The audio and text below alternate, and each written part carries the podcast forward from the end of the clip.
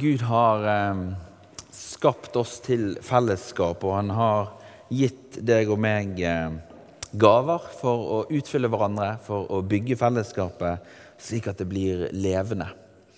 Og eh, så kan vi nå ut sammen. Og jeg tror vi skal ta og Jeg tror du må trykke, Hildegunn, for det, dette gikk dårlig. Du kan trykke én gang. Så skal vi ta utgangspunkt i, i eh, en en, eh, en tekst som Paulus eh, tar opp, og som eh, er en selvfølge for oss når vi skal nå ut sammen. Eh, for veldig ofte så eh, popper det opp med ideer, i hvert fall hos meg. 'Dette kan vi finne på, og dette kan vi gjøre.' Og vi kan eh, gjøre sånn og sånn for at nye mennesker skal synes det er kult og stilig å komme til kirkens aktiviteter. Og så begynner Paulus med at vi må be sammen. Det er der det starter. Og i Kolossene 4 så sier han be også for oss at Gud må åpne en dør for ordet, så vi kan forkynne Kristi hemmelighet. For den skyld sitter jeg nå i fengsel. Be om at jeg må få kunngjøre den slik som jeg skal. Vis forstand i omgang med dem som står utenfor, og kjøp den rette tid. Tal alltid vennlige ord, men la dem ha salt og kraft, så dere vet hvordan dere skal svare hver enkelt.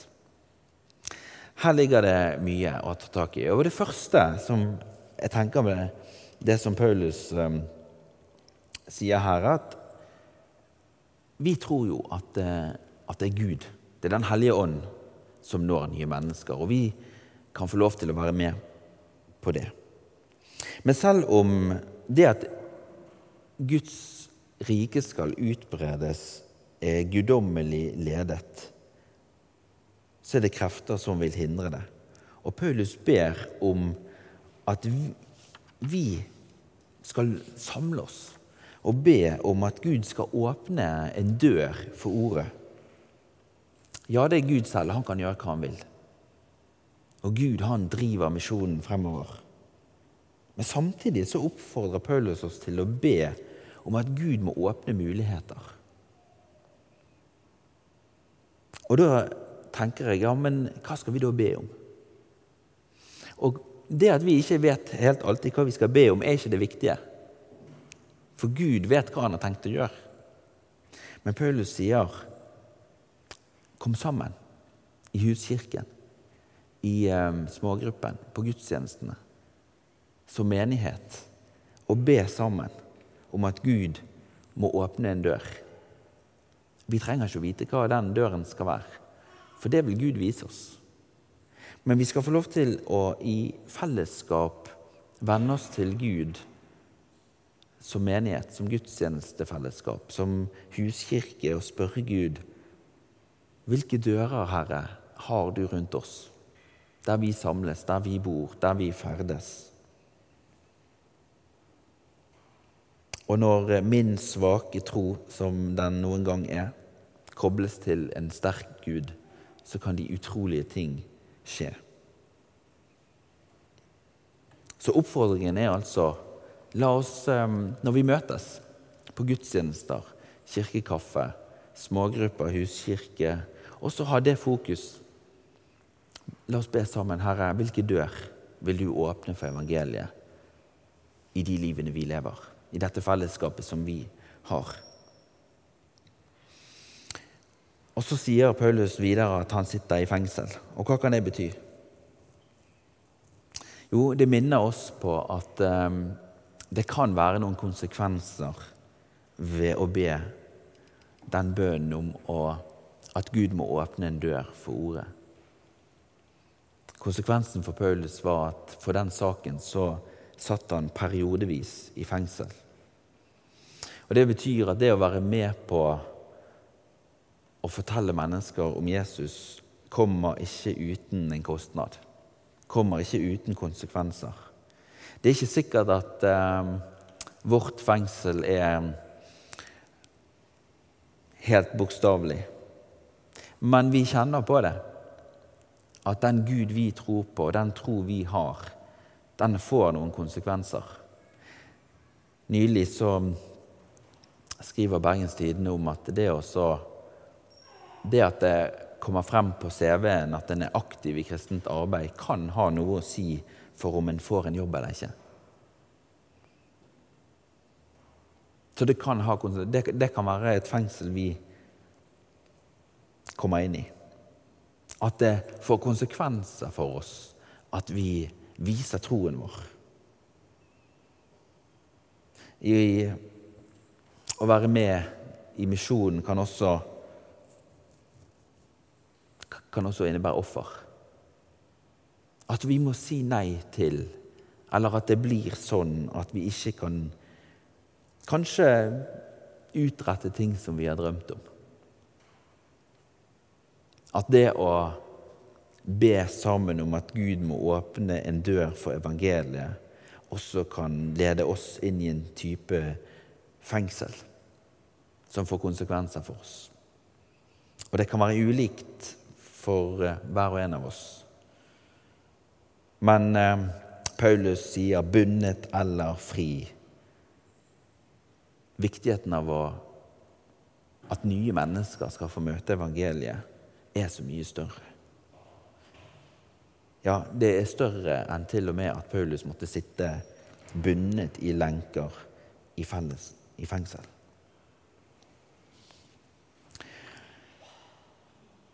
Og Så sier Paulus om at han vil at vi skal be for han, men vi kan overføre det til oss. Be for hverandre om at vi må få kunngjøre evangeliet slik som en skal. Paulus visste nok hva han skulle si. Han hadde forberedt talene sine. Han var, han var flink. Han visste hvordan han skulle legge dette fram. Likevel så oppfordrer menigheten til å be for han når han skal forkynne. At det blir enkelt og klart. At, um, at det ikke At han får de ordene som han trenger for å låse opp. Det er jo litt som på fotballbanen. og Branns store problem i år har jo vært midtbanen. ikke sant? Man har ikke hatt de spillerne som har kunnet være den boksåpneren på stadion når alle lag ligger og man skal angripe i etablert. Man har ikke klart å slå den kreative pasningen, og så har man bare blitt stående og trille ball bak. Og så kan det være noen ganger for oss også. At um, Gud åpner dører. Han legger foran oss muligheter, og så tør vi ikke slå den gjennombruddspasningen. Men vi blir bare gående og trille ball i relasjonene våre uten å ta muligheten som byr seg. Paulus ber en om, ber om at jeg må få kraft til å forkynne, visdom til å legge det fram, frimodighet til å dele det som Gud har gitt. Og Så går han videre og så sier han at vi må vise forstand. Vi skal få lov til å tenke. Gud har gitt oss et intellekt som vi skal få lov til å bruke. Og Paulus sier også at de som ikke er med i menigheten, vi må opptre på en måte som gjør at ikke de ikke får et feil inntrykk av evangeliet. Derfor må vi opptre med visdom og kjærlighet. Godhet, kjærlighet, barmhjertighet. Det er ikke nok å bare si det rett fram. Vi skal få lov til å spille gode pasninger. Be om forstand, bruke forstand. Og Så avslutter han denne passasjen med at vi må snakke vennlige ord, og at det må ha salt og kraft. Det er på en måte litt sånn at Paulus sier til sine at vet du hva, øv dere. Øv dere på å snakke med mennesker. Øv dere på å være gode å snakke med. Tale vennlig. Være et eh, miljø, ha en kultur der det er godt å snakke, selv om en gjerne ikke deler de samme meningene, holdningene eller tro. Men la oss få være, øve oss på å være et fellesskap med mennesker som det er trygge, trygt og godt å snakke med. Og samtidig så skal ordene våre få ha salt og kraft. Når vi taler vennlige ord og formidler Guds godhet, må vi også passe på at evangeliets innhold er en del av samtalen.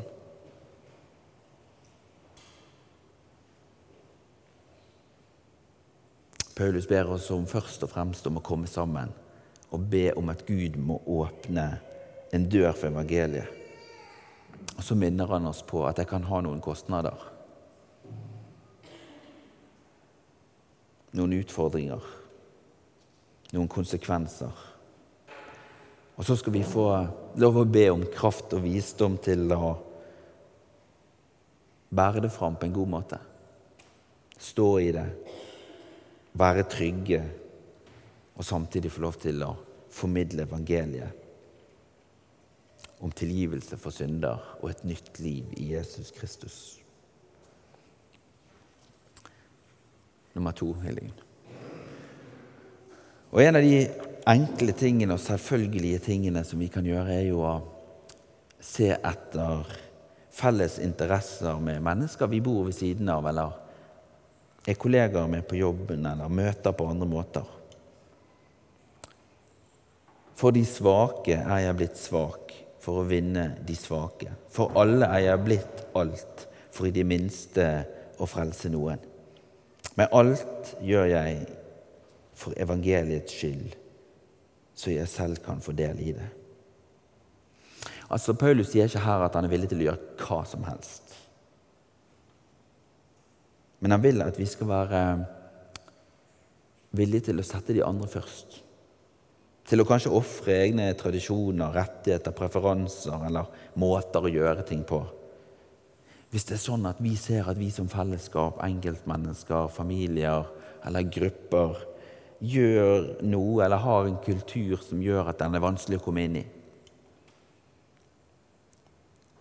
så sier Paulus for de svake er jeg blitt svak, for alle er jeg blitt alt. La oss spørre hverandre hva kan vi gjøre for at nye mennesker skal synes det er trygt og godt å komme og bli en del. Det kan være måten vi er sammen på, det kan være måten vi er på. Vi skal få lov til å i fellesskap strekke oss langt for at nye mennesker skal få se hvem Gud er. Samtidig så sier han at eh, der evangeliet forkynnes, så er det motstand. Men ikke motstand fra mennesker. Men når vi snakker om tilgivelse for syndene, frelse i Jesus Kristus, så vil det alltid være et anstøt fra kulturen rundt oss. Nummer tre. Hvordan skal vi gå inn i det? Jo, når det blir et anstøt, når det blir en, en kollisjon mellom kulturen rundt oss og Guds rike, så skal vi få dele kjærligheten du har opplevd, jeg har opplevd, fra Gud. Første Tessalonika-brev 2 så står det vi var blitt inderlig glad i dere og ville gjerne gi dere ikke bare Guds evangelium, men også vårt eget liv. Så mye holdt vi av dere. Fellesskapet med mennesker, der vi bor, kolleger, der vi ferdes, de vi møter. Vi vil ikke bare gi dem evangeliet, vi vil også gi dem vårt liv. Folk er ikke et misjonsprosjekt. Vi er oppriktig interessert å være sammen med mennesker, enten de tror eller ikke tror. Og så har vi to, to budskap med oss. Det ene er vi ønsker å gi dere vårt liv og vårt fellesskap. Og vi ønsker å gi dere evangeliet.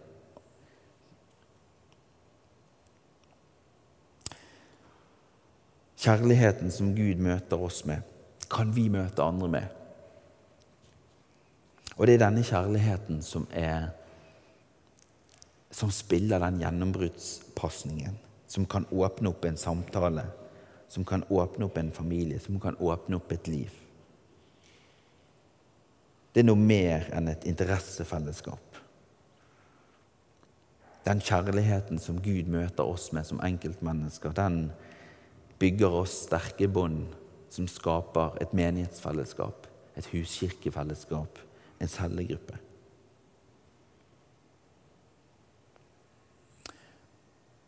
I første kor så fortsetter Bibelen med Hva har jeg med å dømme dem som står utenfor? Er det ikke de som er innenfor, dere skal dømme? De som står utenfor, skal Gud dømme. Her kommer også en liten advarsel til oss når vi deler kjærligheten med andre. Vi skal ikke dømme andre som ikke tror på den livsførselen som vi snakker om oss imellom, og som vi strekker oss etter. I eh, vår tro så er det Den hellige ånd som overbeviser om synd, overbeviser oss om hvem Jesus er. Og menighetsfellesskapet som vi får lov til å være en del av, vi utfordres av Gud og utfordrer hverandre til å gi Gud rett når han taler. Og på den måten så er menigheten og trosfellesskapet et justerende fellesskap for hver enkelt av oss. Der Guds ord får lov til å komme frem som forkynnelse. Guds ord får lov til å leve mellom oss i gruppene våre. Det får lov å leve mellom oss som enkeltmennesker. Og På den måten så blir du og meg justert av Guds ord. Men det er også et valg vi kan ta. Og det å tro på Jesus er å, er å si, 'Ja, Herre, jeg ønsker å bli justert i mitt liv.' Jeg ønsker å justeres sammen med de andre av ditt ord. Og det er Den hellige ånd som justerer oss. For Den hellige ånd peker alltid på Jesus. Den hellige ånd løfter alltid opp hvem Jesus er. Den hellige ånd åpner alltid for oss evangeliet og evangeliets mysterium. Så vi skal være forsiktige med å dømme andre rundt oss. Men vi skal være veldig opptatt av at i vårt eget liv så gir vi Gud rett når han taler til oss som menighet, til oss som enkeltmenneske. At vi lar oss justere i Guds ord.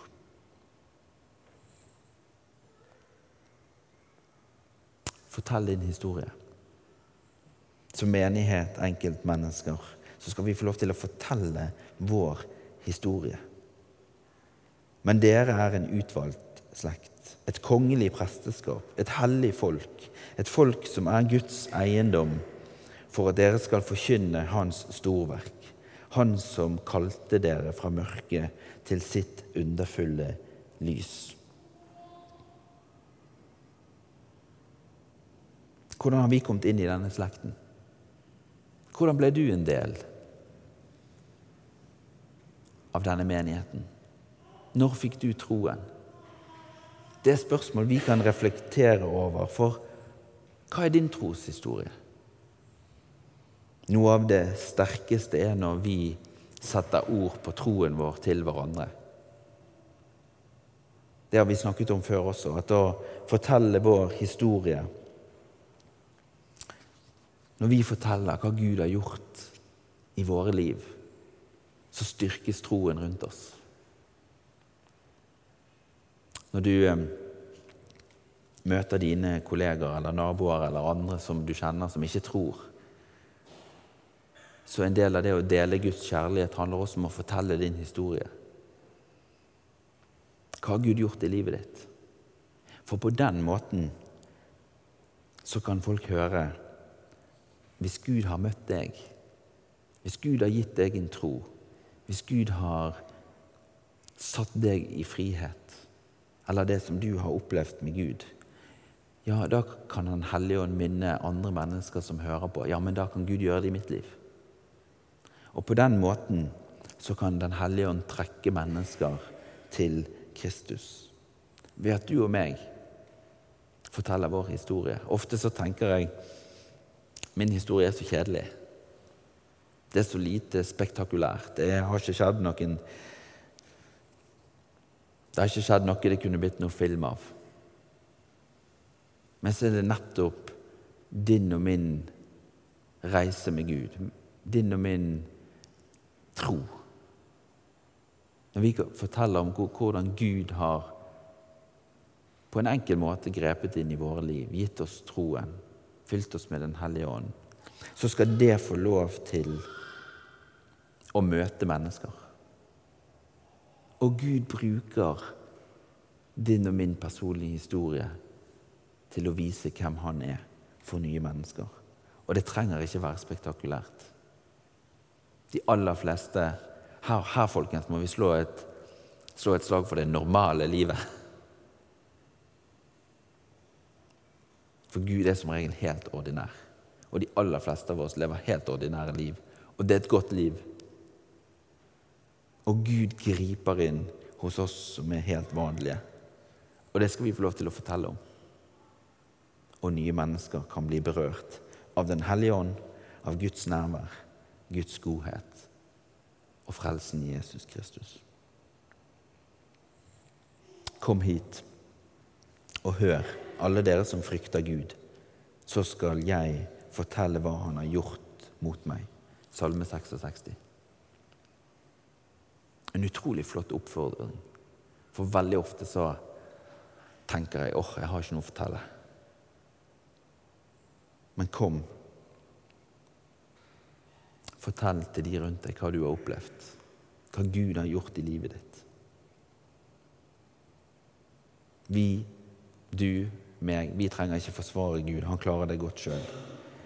Vi trenger ikke ta ansvar for det som Gud sier og gjør du og meg skal få lov til å sette ord på det Gud har gjort i ditt liv, i din familie. Og på den måten så blir Gud æret og stor, og det er mulig for andre mennesker å gripe det. Fem. Og så er det jo vennskapet med andre mennesker. Enten de er påtvunget fordi vi blitt, begynner å jobbe på samme plass eller bor på samme plass, eller vi møtes fordi vi spiller fotball sammen, eller har andre typer felles interesser som gjør at vi får venner. Vis enighet, streb ikke etter det som er høyt, men hold dere gjerne til det lave, og vær ikke selvkloke. Paulus oppfordrer vi som menighet til å vise enighet, gi Gud rett når han taler, justere oss etter hans ord, og det er en beslutning du og meg må ta hver eneste dag i våre liv. Fordi vi tror at selv om ikke vi forstår det, ser det helt klart hele veien, så tror vi at Gud og Hans ord har den beste stien og veien videre for oss. Motsatsen er at vi blir selvkloke og ikke lar oss justere. Og det fører oss ikke nærmere Gud, og ikke nærmere disse åpne dørene som Gud åpner rundt oss. For evangeliet, for liv, for frihet. Senere holdt Levi et stort selskap for ham hjemme hos seg. Og en hel del tollere og andre satt til bords med dem. Det ser ut til at Jesus han elsket sosiale sammenkomster, fester han var god på det. Mange av hans mirakler gjorde han i den type sammenhenger.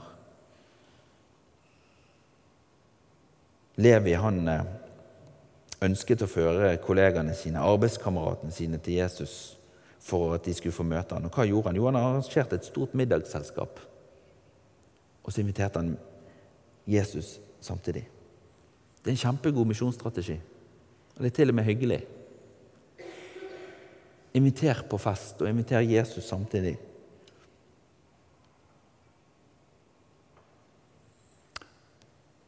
For Gud ga oss ikke en ånd som gjør motløs, men en ånd som gir kraft, kjærlighet og sindighet.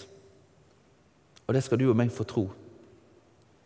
Når vi ikke tør å dele vår historie, for det er ikke spektakulært nok. Det er for kjedelig. Det kan være utfordrende å invitere folk hjem. For noen er det helt naturlig, og det er bare Kom gjerne 70 stykker på en tirsdag. Men for andre er det fryktinngytende. Og da skal vi få tro at Gud, han gir oss kraft, kjærlighet og sindighet til mennesker rundt oss. Og så skal vi få lov til å dele vår historie. Nummer seks. Vi skal få lov til å ha tro og forventning til Gud. Dette skal være kjekt. Troen er sikkerhet for det som håpes, visshet om ting en ikke ser. For sin tro fikk mennesker i gammel tid godt vitnesbyrd.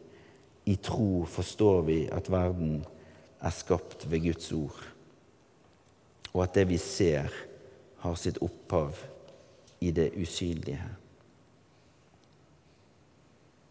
Troen vår, det er ikke bare antagelser og noe vi går ut ifra. Troen på Jesus den bor i våre hjerter ved Den hellige ånd, sånn at vi kan kjenne det. Og Gud har fortalt oss dette for at vi kan vite at vi har frelse, at vi har tilgivelse for syndene våre i Jesus. Det er ikke bare noe vi antar. Det er noe vi kan vite. Og med troen vår Og dette utfordrer seg sjøl på veldig ofte, for i alle de tingene som vi nå og dere både tenker og snakker om på jobb og andre steder og leser om i aviser, så er det med troen vår at vi forstår at Gud har skapt verden. Det er med troen vår at vi forstår at vi har et annet verdensbilde. Vi ser verden på en helt annen måte enn kulturen vår. Og det er ved troen vår at vi kan se disse åpne dørene som Paulus ber oss om at vi skal be om. Hvis ikke vi velger å ha forventning til Gud og se det fra troens side, så klarer ikke vi se det.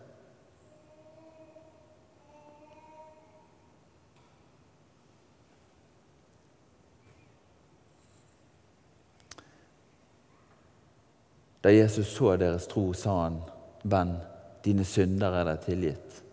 Og det er jo det vi skal fordele. For det er ved troen at vi ser dette. Det er ved troen at vi opplever at dette er ekte.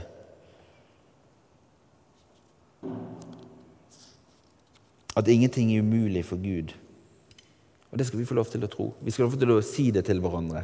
Vi skal få lov til å minne hverandre på det. Og til slutt Du skal få lov til å tenke at ditt liv forteller noe om hvem Gud er.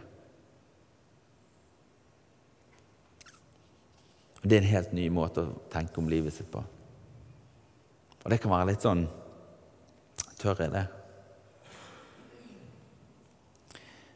La Kristi fred råde i hjertene. For til det ble dere kalt da dere ble ett legeme.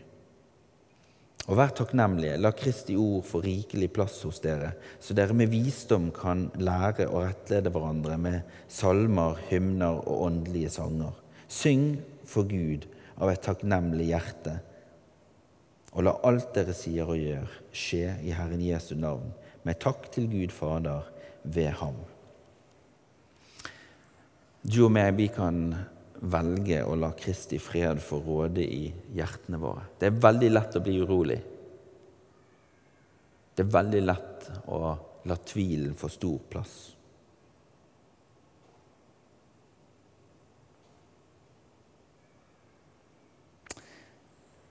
Men vi, du og jeg kan minne hverandre på at vi må se verden fra troens perspektiv. Og la Kristi fred få råde i hjertene våre. Og denne freden den kan vi få dele med de rundt oss.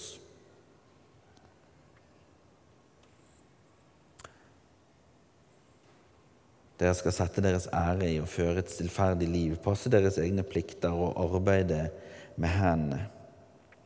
Paulus er flere ganger opptatt av at det kristne livet ikke bare må være ting vi mener, men det må også være noe vi gjør. Tro må bli til arbeid med hendene. Det betyr ikke at alle sammen skal få en kristen arbeidsgiver, men det betyr at vi må snakke sammen. Vi må dele troen vår. Vi må fortelle hverandre hva Gud har gjort i livene våre. Og på den måten så blir troen praktisk. For troen blir ikke bare noe vi leser om, men det blir noe som du og meg kan fortelle. Dette har Gud gjort i mitt liv. Det fikk disse og disse konsekvensene. Og da blir Gud levende, ekte, nær og praktisk.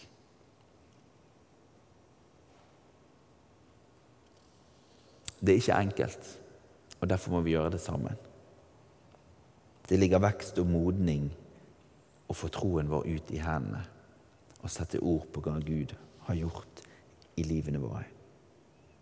Og så skal vi få huske at vi skal slippe å prestere dette sjøl, men vi skal få lov til å i fellesskap få lov til å reflektere sammen og kanskje bli flinkere til å utfordre hverandre på ja, men klarer vi å sette ord på det som Gud har gjort i livene våre, og hvordan kan vi fortelle det til hverandre, sånn at nye mennesker kan få høre hva Jesus gjør i dag. Skal vi be sammen.